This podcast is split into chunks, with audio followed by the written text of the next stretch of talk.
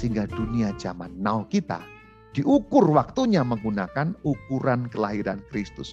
Bukan kelahiran tokoh-tokoh yang lain. Tidak. Maka istilah para gembala di sini sesungguhnya menggambarkan dua hal sekaligus. Yang pertama, keadaan orang-orang yang lemah, orang-orang miskin. Yang kedua, keadaan orang-orang Yahudi atau menggambarkan keyahudian. Semua di tangan saya. Haleluya. Saudara-saudari semuanya, Shalom Alaikum. Kita mau membahas mengenai kandang Natal atau gua Natal atau istilah yang lebih asli adalah palungan Natal. Bahasa latinnya presepium. Kali ini kita akan membahas maknanya. Apa makna presepium? Apa makna palungan Natal bagi kita? Dan subjudul yang kita pakai adalah Yesus untuk orang miskin. Ini salah satu makna yang muncul dari adanya kandang Natal itu. Dan masih seperti pada perjumpaan yang pertama yang terkait dengan sejarahnya, kita masih akan membahas dokumen gereja yang ditulis oleh Paus Franciscus yang berjudul Admirabile Signum, tanda yang mengagumkan. Kali ini kita mulai dari artikel yang kelima. Mari kita baca. Betapa banyaknya rasa perasaan yang menyertai kita ketika harus menyusun pegunungan, sungai, domba, dan gembala dalam gambaran kelahiran Yesus. Ketika kita melakukannya, kita diingatkan bahwa seperti yang dinubuatkan para nabi, semua ciptaan bersuka cita dalam kedatangan Mesias. Ada beberapa unsur yang ada di sana, pegunungan, sungai, domba, gembala, dan itu merupakan unsur-unsur ciptaan. Semuanya bergembira karena kedatangan Yesus Kristus Tuhan. Sekarang kita lihat unsur-unsur dari langit yang tampak di ketinggian. Kalimat lanjutannya. Malaikat-malaikat dan bintang penuntun adalah tanda bahwa kita juga dipanggil untuk pergi ke gua dan untuk menyembah Tuhan. Karena terkait dengan semua ciptaan, maka ciptaan-ciptaan juga mengarahkan kita untuk sampai kepada Sang Kristus. Ini merupakan pengingat bagi kita. Apa pun ciptaan Tuhan yang boleh kita miliki karena kehendak Tuhan, maka perlu kita arahkan untuk membuat kita sampai kepada Tuhan. Kandang Natal mengingatkan mengenai hal tersebut. Kita lanjutkan kalimat di dalam artikel yang kelima ini. Marilah kita pergi ke Bethlehem untuk melihat apa yang terjadi di sana seperti yang diberitahukan Tuhan kepada kita. Kutipan dari Lukas bab 2 ayat ke-15. Maka para gembala menceritakan satu kepada yang lain setelah pewartaan para malaikat. Pelajaran indah muncul dari kata-kata sederhana ini. Jadi di sini kita diajak untuk menyelami kata-kata yang sangat sederhana yang diucapkan oleh para gembala. Mari kita pergi ke Bethlehem. Kita tahu di Bethlehem ada Sang Mesias. Berarti mari kita pergi ke Bethlehem, mari kita pergi kepada Sang Mesias. Meskipun pada saat itu para gembala belum persis tahu bahwa sesungguhnya memang betul apa yang diwartakan oleh para malaikat. Ini patut kita garis bawahi yaitu para gembala. Para gembala pada zaman kuno itu bukan orang-orang kaya, boleh dikatakan mereka orang-orang miskin, orang-orang yang simpel, orang-orang yang sederhana. Para gembala diberi warta oleh para malaikat. Kita tahu malaikat sangat dikenal di dalam agama Yahudi sebagai pembawa pesan dari surga. Dan juga ketika para gembala diberi pesan oleh para malaikat, itu diberi warta bahwa di Bethlehem lahir Kristus Tuhan. Jadi Kristus artinya Mesias. Dan pada zaman itu orang Yahudi menantikan kedatangan Mesias. Maka istilah para gembala di sini sesungguhnya menggambarkan dua hal sekaligus. Yang pertama, kelemahan dalam arti keadaan orang-orang yang lemah, orang-orang miskin. Yang kedua, keadaan orang-orang Yahudi atau menggambarkan keyahudian. Mari kita lanjutkan dalam artikel yang kelima. Tidak seperti banyak orang lain yang sibuk dengan banyak hal, Para gembala menjadi yang pertama melihat hal yang paling penting dari semuanya, karunia keselamatan. Orang yang rendah hati dan miskinlah yang menyambut peristiwa inkarnasi. Di dalam kalimat yang ditulis oleh Bapak Suci Fransiskus di sini, Satu tafsiran yang beliau sampaikan yaitu melihat hal yang paling penting dari semua hal. Ini adalah kekasan dari para gembala. Jadi di sini kita pun juga memiliki satu pandangan bahwa rupanya para gembala dapat melihat hal yang terpenting dalam kehidupan ini yaitu karunia keselamatan.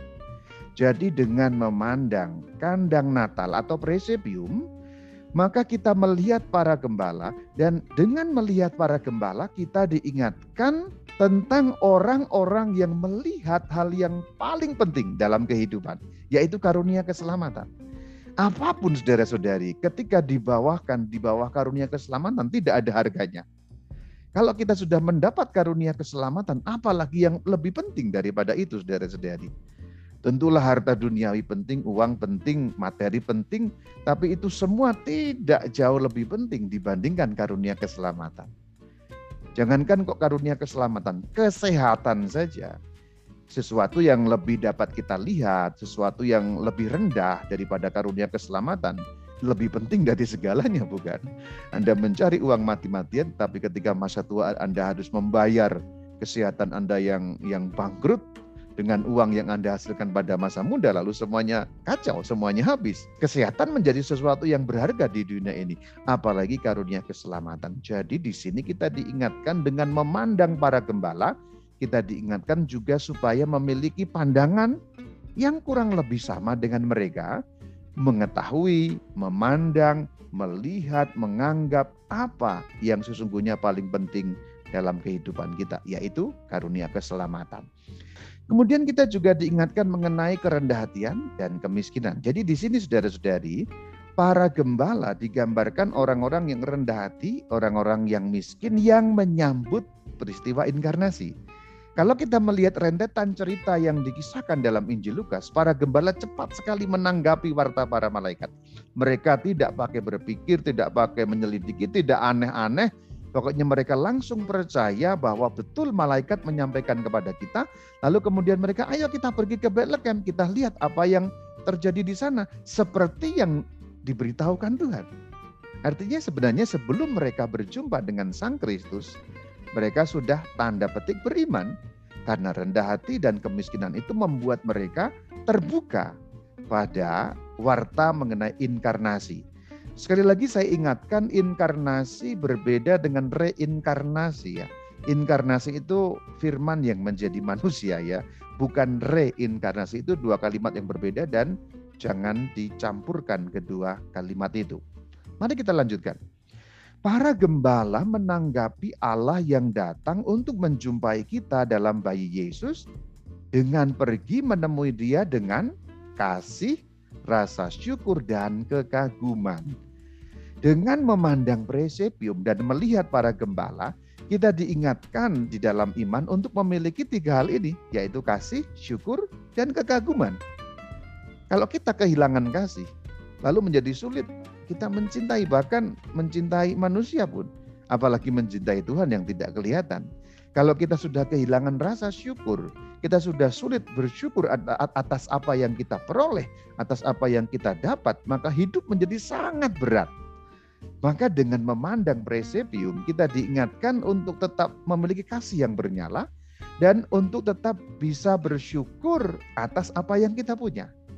Dan yang ketiga kekaguman.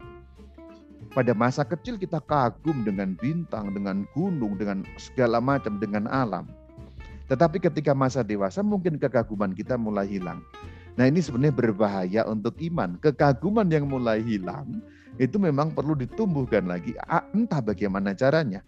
Orang yang makin tinggi mendalami ilmu pengetahuan mungkin bisa dengan ilmu pengetahuannya mengalami kekaguman. Misalnya Anda yang belajar kimia, Anda yang belajar matematika, Anda yang belajar fisika, mungkin menemukan, oh bagaimana Tuhan begitu luar biasa mengatur alam semesta ini dengan rumus-rumus kimia misalnya. Lalu Anda kagum dengan itu. Kalau saya sih cukup memandang alam dan kagum dengan itu. Saya sering kali memandangi binatang-binatang kecil seperti serangga dan saya sangat kagum dengan itu. Betapa rumitnya mereka itu dan betapa banyaknya mereka itu. di Subang ada banyak ada banyak pohon, ada banyak kebun sehingga saya lebih mudah menemukan serangga dan sering kali bahkan sampai masuk rumah karena rumahnya terbuka dekat dengan kebun sehingga ada banyak serangga yang masuk. Alih-alih merasa terganggu dengan kotornya rumah akibat para serangga, saya justru merasa kagum bagaimana Tuhan begitu kreatifnya menciptakan serangga yang luar biasa ini. Banyak sekali jenis dan macamnya. Yang membuat saya kagum itu contoh-contoh kecil. Memandang gunung membuat saya kagum. Bahkan sering kali melihat tontonan di dalam televisi, umpamanya mengenai ya alam, mengenai binatang, nonton di Najio, nonton di Discovery, kadang-kadang menjadi kekaguman itu muncul. Kekaguman selalu berhubungan dengan dengan iman. Anda yang sudah hilang rasa kagummu, imanmu mungkin tidak bertahan ya. Sebab hanya dengan kekaguman kita mengagumi yang dibalik ciptaan ini, yaitu sang pencipta, maka dengan itu iman kita lebih terpelihara tentu saja. Tentu itu bukan satu-satunya cara menjaga iman ya, tetapi dengan cara tetap memiliki kekaguman, kita tetap bisa beriman dengan dengan takjub gitu ya. Dan itu yang dialami oleh para gembala. Berarti presepium salah satu maknanya adalah mengingatkan kita mengenai tiga hal ini. Tetap memiliki kasih, rasa syukur dan kekaguman kepada Tuhan yang dengan segala macam ciptaannya sungguh-sungguh mencukupi kita dan mendorong kita untuk selalu pergi ke Bethlehem menemui Sang Mesias. Selanjutnya, syukur pada Yesus perjumpaan antara Allah dan anak-anaknya ini melahirkan agama kita dan membentuk keindahannya yang unik, yang begitu luar biasa nyata dalam gambaran kelahiran Yesus Kristus. Saudara-saudari, jadi sebenarnya kelahiran Yesus Kristus Tuhan kita, apa sih intinya? Itu perjumpaan Allah dan anak-anaknya. Maka ini yang dapat kita garis bawahi. Sesungguhnya makna Natal yang itu tampak juga dalam presepium adalah perjumpaan antara Allah dan anak-anaknya. Allah yang maha tinggi itu rela merendahkan dirinya untuk menjumpai anak-anaknya. Ini Natal. Natal bukan bukan hanya sekedar wah happy ya ya ya happy ya ya, ya Kristus lahir diberikan kepada kita wah ada anak yang lahir kita senang tidak hanya sekedar itu tetapi Allah menjumpai anak-anak yang begitu jauh dan sudah sangat jauh. Kalau kita membayangkan eh, seperti perumpamaan anak yang hilang ini, ini bukannya anak kembali kepada bapaknya, tapi bapak mengejar anaknya. Itu lebih ekstrim lagi, saudara-saudari. Itulah Natal. Bapak mengejar anaknya yang hilang. Kalau kita boleh mengungkapkan dalam bahasa perumpamaan, kira-kira kan seperti itu. Kita lanjutkan pada artikel yang keenam. Merupakan kebiasaan untuk menambahkan banyak tokoh simbolik ke dalam gua Natal kita. Pertama-tama ada para pengemis dan orang-orang lainnya yang tidak mengenal kekayaan selain hanya kekayaan hati. Jadi ini ada tokoh-tokoh simbolik yang ditambahkan yaitu pengemis orang-orang miskin. Ini sekali lagi menegaskan sejak awal tema kita Yesus untuk orang miskin. Gembala sudah merupakan orang miskin. Gembala itu orang-orang yang tidak punya kekayaan yang yang banyak. Seringkali yang disebut para gembala bukanlah pemilik domba-domba itu. Seringkali kan eh, dikatakan gembala, lalu ada pemilik. Jadi sebenarnya gembala hanya merupakan boleh dikatakan bahasa kita sekarang buruh saja. Buruh, bukan pengusahanya ya. Ini berbeda dengan Abram misalnya yang memiliki banyak ternak. Lalu ada gembala-gembala yang menjadi buruh bagi Abram. Contoh dalam perjanjian lama ya. Lalu kemudian di sini ada tambahan yaitu pengemis dan orang-orang yang tidak kaya atau orang-orang miskin. Tapi ini memang dalam kejadian nyata Injil tidak ada. Rupanya di dalam presepium sering ditambahkan tokoh-tokoh simbolik untuk menguatkan pesan mengenai Yesus yang untuk orang miskin. Maka ada pengemis, boleh juga ditambahkan orang-orang miskin juga boleh ditambahkan misalnya dengan patung tertentu yang menggambarkan itu atau dengan hal-hal yang lain yang menggambarkan itu. Jadi sebenarnya ini makin menguatkan bahwa Yesus memang datang untuk orang miskin, saudara-saudari. Mereka, yaitu orang-orang miskin, pengemis, gembala, orang-orang kecil tadi, memiliki hak untuk mendekati bagi Yesus. Tidak ada yang bisa mengusir mereka atau menjauhkan mereka dari pembaringan yang begitu seadanya sehingga orang-orang miskin tampak sepenuhnya nyaman. Ini apa yang diacu dalam tulisan Bapak Suci ini? Yaitu palungan itu sendiri. Palungan, ada jerami, ada sesuatu yang boleh dikatakan ya tampak kumal kotor sehari-hari, kecil, sederhana, simpel.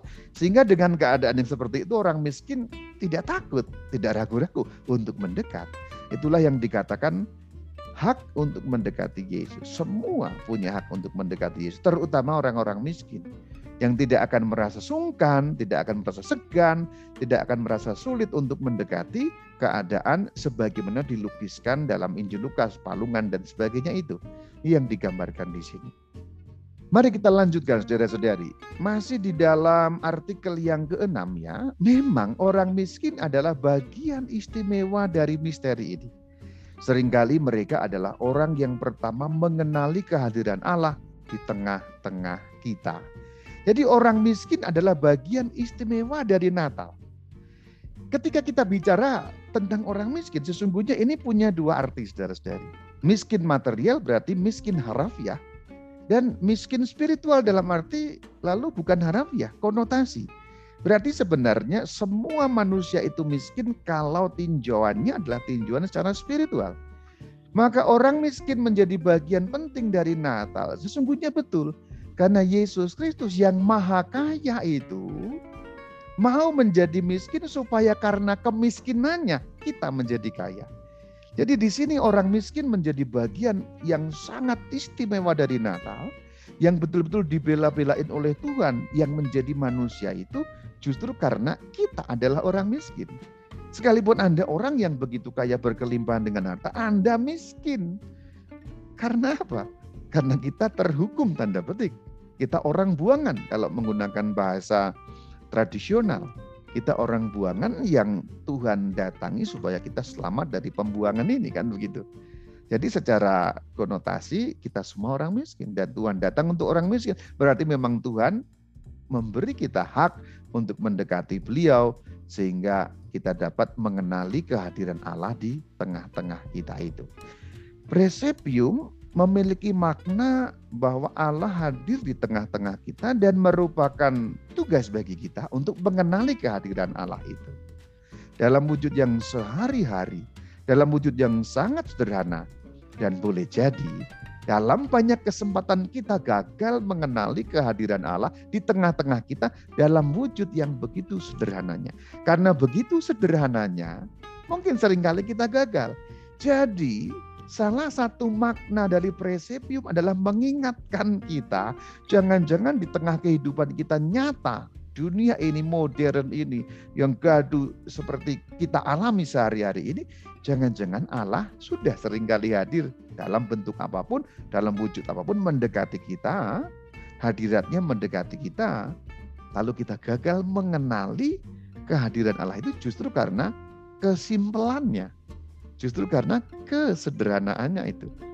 Jadi presepium Natal sekali lagi mengingatkan kita mengenai ini. Apalagi di tengah dunia sekarang yang makin ya tanda petik hedon, yang makin materialistik, yang makin apa yang tampak itu yang penting, apa yang berkilau itu yang penting. Lalu sering kali kita gagal mengenali Allah yang hadir karena Allah tidak berkilau.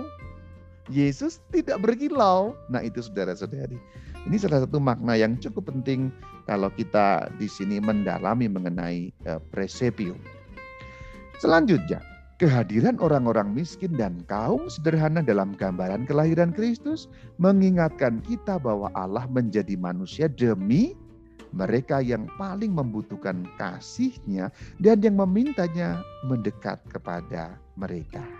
Demi mereka yang paling membutuhkan kasihnya.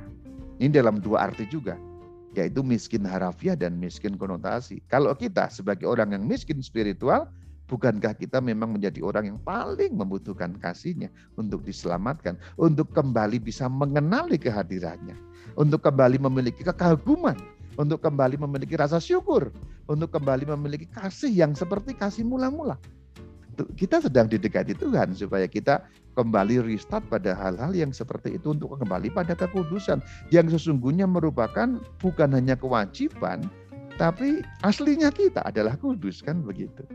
Apalagi zaman sekarang ini kekudusan bukan sesuatu yang yang populer. Dan sering kali dianggap kenapa sih harus suci, harus kudus kayak santo aja, biasa-biasa aja deh. Padahal kita ini settingnya awalnya adalah kudus. Jadi kekudusan itu barang biasa sebenarnya karena kita adalah kudus. Tuhan yang menguduskan kita. Kita paling membutuhkan kasihnya supaya menyadari hal-hal yang ternyata tanpa sengaja hilang dari kehidupan kita akibat gejolak dunia yang sering kali menyilaukan.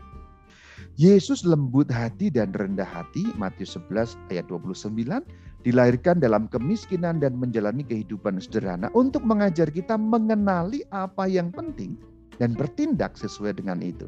Nah, garis bawahi dari mengajar kita mengenali apa yang penting.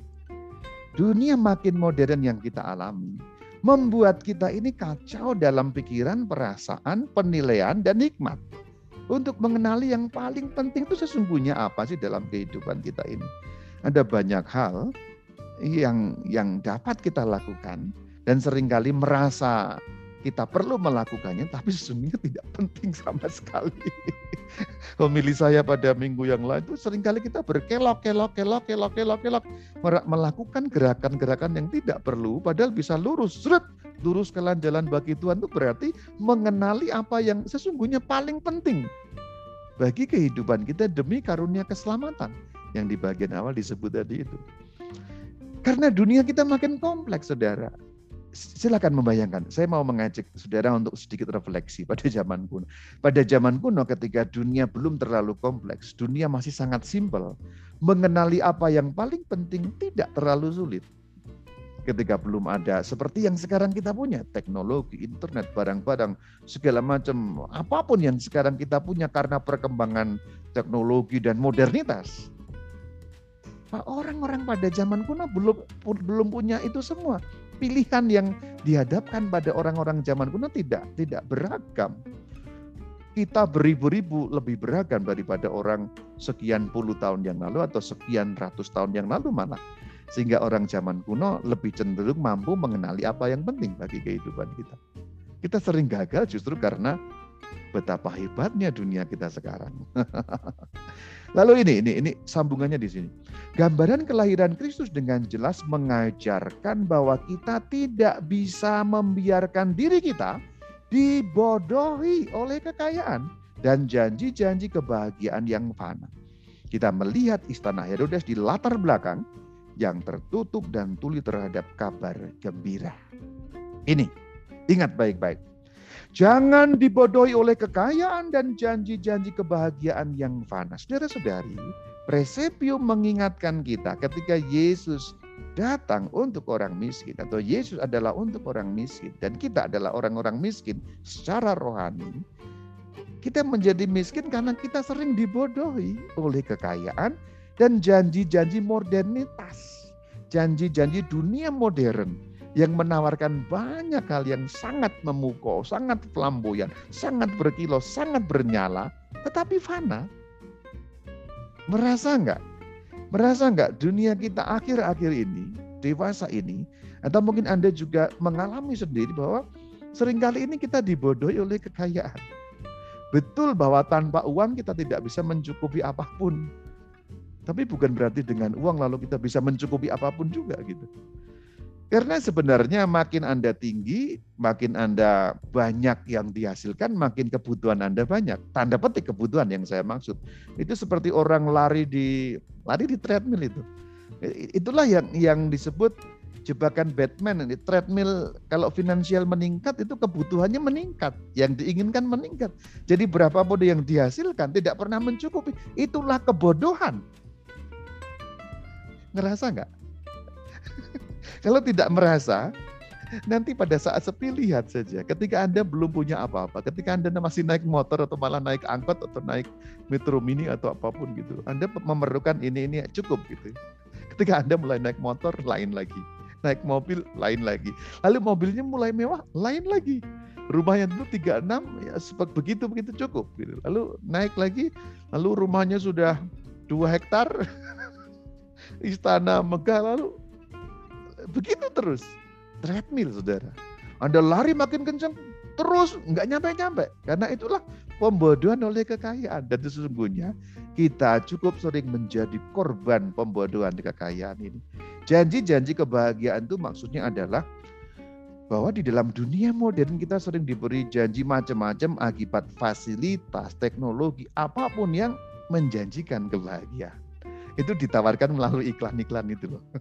Itulah kenapa iklan-iklan itu yang yang ditampilkan membahagiakan yang nggak ada hubungannya pun dianggap lalu ada hubungannya membahagiakan. Kalau iklan mobil itu kan nggak pernah menampilkan kekuatan mesinnya apa nggak pernah. Iklan mobil itu selalu menampilkan keluarga yang kalau naik mobil itu tersenyum bahagia happy karena apa? Itu dikaitkan. Kalau kamu beli mobil ini keluargamu bahagia. Padahal enggak juga gitu. Itu janji-janji bukan berarti membeli sesuatu itu salah, bukan ya. Jangan salah paham dengan kata-kata saya. Tetapi mindset kita sering disetir dan dibodoh-bodohi oleh kekayaan dan kita seperti kerbau yang dicocok hidung, membeli ini dan itu, merasa bahwa dengan itu kita bahagia. Untuk Anda yang mendengarkan saya yang sekarang sudah melampaui tahap demi tahap kesuksesan materi, silakan lihat diri Anda. Silakan lihat perasaan Anda. Silakan lihat jiwa Anda. Apakah Anda merasa lebih bahagia dibandingkan 20 tahun lalu ketika Anda masih naik motor Apakah Anda sekarang jauh lebih bahagia dibandingkan 30 tahun lalu ketika Anda naik Metro Mini? Jawabannya adalah tidak. Saya yakin 1000% jawabannya adalah tidak. Itu yang saya maksud dengan dibodohi oleh kekayaan. Kekayaan bukan berarti kita tolak, bukan berarti kita hindari, tetapi maksudnya di balik itu ada banyak pembodohan yang sebenarnya harus juga kita hindari dengan sadar kita harus juga tahu ada batas-batas yang tidak bisa dicapai oleh materi, oleh kekayaan dan janji-janji kebahagiaan yang lama. Itu tadi ceknya gampang. Sekarang Anda sudah punya apa-apa, lalu bayangkan 20 tahun lalu ketika Anda tidak punya apa-apa. Lebih bahagia? Jiwamu lebih baik? Jawabannya tidak tuh. Lalu Ini jangan dibodohi oleh kekayaan dan janji-janji kebahagiaan yang fana. Dan itu dengan presepium kita diingatkan mengenai makna ini. Bagus sekali. Selanjutnya, jangan tertutup dan tuli terhadap kabar gembira. Karena memang kekayaan membuat hubungan yang yang linier dengan tertutupnya mata hati, tulinya telinga hati terhadap kabar gembira, terhadap kebaikan. Karena orang yang memiliki materi, memiliki kekayaan mampu berdiri sendiri. Bukan kamu Tuhan. Tuhan itu apa? Karunia keselamatan itu apa? Saya bisa menyelamatkan saya sendiri. Semua ada di tangan saya. Ini, ini.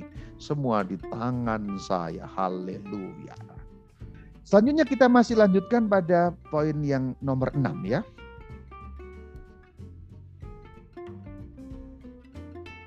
Dengan dilahirkan di Palungan, Allah sendiri mengadakan satu-satunya revolusi sejati yang dapat memberikan harapan dan martabat kepada mereka yang kehilangan hak dan yang terbuang revolusi kasih, revolusi kelemah lembutan. Apa maksudnya? Allah yang dulu tampaknya kok garang. Kalau di perjanjian lama itu kan tampak garang, tampak mengerikan gitu Allahnya.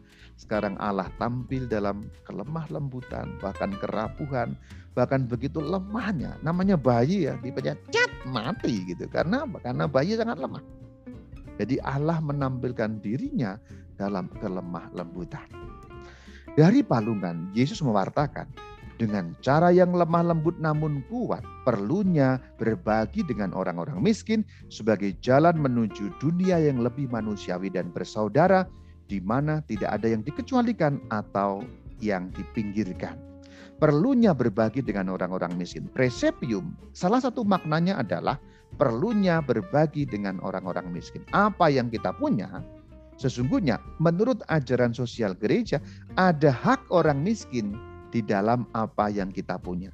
Ajaran sosial gereja mengatakan hak loh ya. Oh itu kan saya yang cari sendiri. Ya betul. Saya cari sendiri. Saya berkeringat sendiri, jerih payah saya sendiri. Tetapi di dalam kacamata iman itu semata-mata anugerah Tuhan dan di sana ada ingat baik-baik haknya orang-orang miskin di dalam kacamata iman tentu saja. Maka presepium salah satu maknanya menegaskan perlunya berbagi dengan orang-orang miskin. Dan juga perlunya membangun dunia yang lebih manusiawi. Nah, lebih manusiawi ini penting saudara-saudari. Lebih manusiawi berarti memperlakukan manusia lain sebagai manusia. Yang sangat simpel deh, yang sangat simpel. Tentulah beberapa dari Anda yang ada di ruang virtual ini mempunyai pembantu. Nah, ini presepium mengantar salah satu makna, sudahkah aku memperlakukan asisten rumah tangga orang-orangku, anak-anak buahku lebih manusiawi? Dan sesungguhnya presepium kandang Natal mengingatkan kita untuk menciptakan dunia yang yang seperti itu. Bahwa mereka ada di bawah kita, pangkatnya di bawah pangkat kita. Mereka adalah yang yang kita gaji, mereka yang ada dalam kekuasaan kita, tetapi bukan berarti lalu kita ber, berbuat apa saja terhadap mereka bukan. Bagaimana mereka bukan mesin, mereka bukan hanya sekrup, mereka bukan hanya roda gigi yang bergerak tanpa perasaan mereka adalah manusia yang perlu kita perlakukan secara manusia. Dan kita diingatkan dalam salah satu makna presepium, palungan Natal, kandang Natal, salah satu poin ini yang luar biasa bagus sesungguhnya.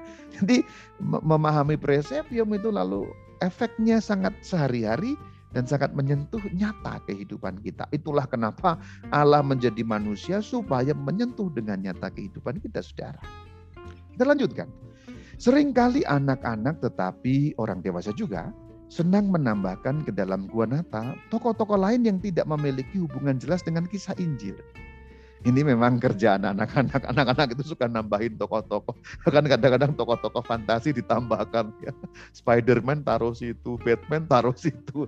Apakah itu oke okay? ya? Oke-oke saja karena itu anak-anak. Bagaimana imajinasinya. Nanti ada boneka si Komo kalau zaman dulu ya zaman sekarang mungkin anak-anak nggak kenal si Komo ya. Unyil tambahkan ke situ. Apa pun ya namanya juga tokoh-tokoh yang tidak ada kaitan dengan Injil tapi bisa juga. Namanya penambahan imajinatif masing-masing dengan caranya sendiri kata dokumen ini. Menunjukkan bahwa di dunia baru yang dibukakan oleh Yesus ada ruang untuk apa pun yang sungguh-sungguh manusiawi dan untuk semua makhluk Allah terbuka karena memang Yesus datang untuk yang paling miskin. Dan secara rohani kita adalah orang miskin sekali lagi. Penambahan imajinatif ini bisa bermacam-macam. Contohnya gembala, pandai besi, tukang roti, para musisi, perempuan yang bawa kendi air, atau anak-anak yang bermain. Ini semua bicara tentang apa? Kekudusan yang saya sebut di bagian awal. Jadi saudara-saudari, Presepium mengingatkan kita mengenai kekudusan sehari-hari. Jadi kekudusan dihubungkan dengan sehari-hari loh. Kekudusan bukan dihubungkan dengan bertapa di pertapaan, menjadi rahib, menjadi biarawan, biarawati, bukan. Tetapi kekudusan dihubungkan dengan sehari-hari. Ketika kita memanusiakan manusia lain, ketika kita memperlakukan secara manusiawi asisten rumah tangga kita, bukankah itu kekudusan? Ketika Anda memperlakukan bawaan Anda, bahkan yang bersalah sekalipun, dengan tetap menganggapnya sebagai manusia, bukankah itu kekudusan? Ah, itu yang saya maksud dan sungguh-sungguh yang dimaksud oleh Bapak Suci di sini. Kegembiraan melakukan hal-hal yang biasa. Kegembiraan melakukan. Ketika Anda melakukan segala sesuatu dengan gembira tanpa sungut-sungut, bukankah itu satu bentuk kekudusan juga? Ketika Rama Bayu menyiapkan bahan-bahan untuk katekisme dengan gembira. Nanti akan ada banyak orang yang tercerahkan. Kegembiraan seperti itu, itu merupakan bagian dari membangun kekudusan sehari-hari. Dan itu muncul maknanya dalam presepium. Kita diingatkan melalui salah satu bagian dari makna presepium itu. Sehari-hari. Allah yang menjadi manusia itu Allah yang menjadi sehari-hari sesungguhnya. Sang Firman telah menjadi manusia, artinya Sang Firman masuk dalam dunia sehari-hari. Ketik 30 tahun hidup Yesus pada masa awal sebelum beliau berkarya pada umur 30 bukankah hidup yang sehari-hari? Dan itu penuh dengan kekudusan, kekudusan sehari-hari. Hidup Bunda Maria apa tidak sehari-hari? Bunda Maria seorang perempuan yang biasa Seorang perempuan pada zaman kuno 2000 tahun yang lalu membesarkan anak, hidup sebagai ibu rumah tangga. Ketika nanti suaminya mati, kemudian membesarkan anaknya dengan kasih seorang ibu. Bukankah itu kekudusan sehari-hari? Tidak ada yang hebat dalam arti luar biasa seperti gambaran kita yang heboh gimana-gimana. Tidak. Presepio mengajarkan kita mengenai itu semua. Sangat sehari-hari. Sekarang kita dalami dari artikel yang ketujuh. Secara bertahap kita sampai di gua, di mana kita bertemu sosok Maria dan Yusuf. Nah ini yang sudah saya sebut tadi ya. Maria adalah seorang ibu yang merenungkan anaknya dan menunjukkannya kepada setiap yang berkunjung. Merenungkan anaknya. Kita sampai pada sosok Maria. Ada dua hal. Merenungkan anaknya berarti di dalam batin beliau. Berarti batin ya menunjukkan berarti seperti bahasa kita sekarang berarti mewartakan. Keluar merenungkan berarti kekayaan batin, menunjukkan berarti berbagi kekayaan batin itu mengenai Yesus Kristus Tuhan. Sosok Maria membuat kita merenungkan misteri agung yang mengelilingi perempuan muda ini ketika Allah mengetuk pintu hatinya yang tak bernoda. Maria menanggapi dengan penuh ketaatan terhadap pesan malaikat yang memintanya untuk menjadi bunda Allah. Menanggapi dengan penuh ketaatan. Jadi setiap kali kita memandang presepio, melihat sosok Bunda Maria, inilah orang yang menanggapi Allah dengan penuh ketaatan. Kita diingatkan berarti salah satu makna presepium menggemakan, mengingatkan kita mengenai sosok Maria yang taat. Kata-katanya, sesungguhnya aku ini adalah hamba Tuhan, jadilah padaku menurut perkataanmu itu. Lukas 1 ayat 38 memperlihatkan kepada kita semua bagaimana melepaskan diri kita dalam iman menuju kehendak Allah. Dengan fiatnya, Maria menjadi ibu dari anak Allah tanpa kehilangan, tetapi berkat dia mempersembahkan keperawanannya. Saya garis bawahi satu hal, yaitu fiat. Fiat itu bahasa Latin ya, sebenarnya dari dari Lukas 1 tadi itu jadilah padaku menurut perkataanmu itu kalau bahasa latinnya berbunyi fiat mihi secundum verbum tuum. Fiat itu jadilah. Jadi sesungguhnya kata fiat itu mengatakan jadilah kehendak Allah. Terjadilah apa yang Allah kehendaki. Atau dengan bahasa tanggapan manusia, aku mau taat supaya kehendak Allah terjadi. Fiat miki secundum verbum tuum. Terjadilah padaku seturut perkataanmu Perkataanmu dalam konteks ini adalah perkataan malaikat, tapi maksudnya perkataan Allah karena malaikat diperintah oleh Allah. Dan dalam konteks yang lebih luas di sini, presepium mengingatkan bahwa kita pun juga harus mengatakan fiat kepada Allah, kepada kehendak Allah. Fiatnya Maria sudah, mana fiatmu? Selanjutnya, di dalam dirinya kita melihat Bunda Allah yang tidak menyimpan anaknya hanya untuk dirinya sendiri, tetapi mengundang semua orang untuk mematuhi sabdanya dan melaksanakannya. Jadi di sini saudara-saudari, Maria tidak menyimpan untuk dirinya sendiri keselamatan itu. Maria berbagi. Berbagi kepada setiap orang. Dan sesungguhnya kalau kita kaitkan dengan tema Yesus untuk orang miskin, Maria membagikan Yesus kepada orang yang miskin hatinya mengundang semua orang untuk mematuhi sabda Allah. Manusia biasa Maria itu. Artinya dia memiliki potensi salah bukan? Dia memiliki potensi tidak taat bukan? Dia memiliki potensi untuk tidak melaksanakan firman Allah bukan? Tapi potensi itu tidak dilakukannya. Tetapi patuh pada firman Allah. Jadi presepium itu memandu kita, mengingatkan kita sekali lagi untuk mematuhi sabda Allah. Sebagaimana sosok yang ada selalu di presepium itu, yaitu Bunda Maria. Di samping Maria yang diperlihatkan sebagai yang melindungi anak dan ibunya, berdiri Santo Yusuf. Ia biasanya digambarkan dengan tongkat di tangan atau memegang sebuah lampu. Sekarang kita tiba pada sosok yang satu lagi yaitu Bapak Yusuf. Siapa dia ini?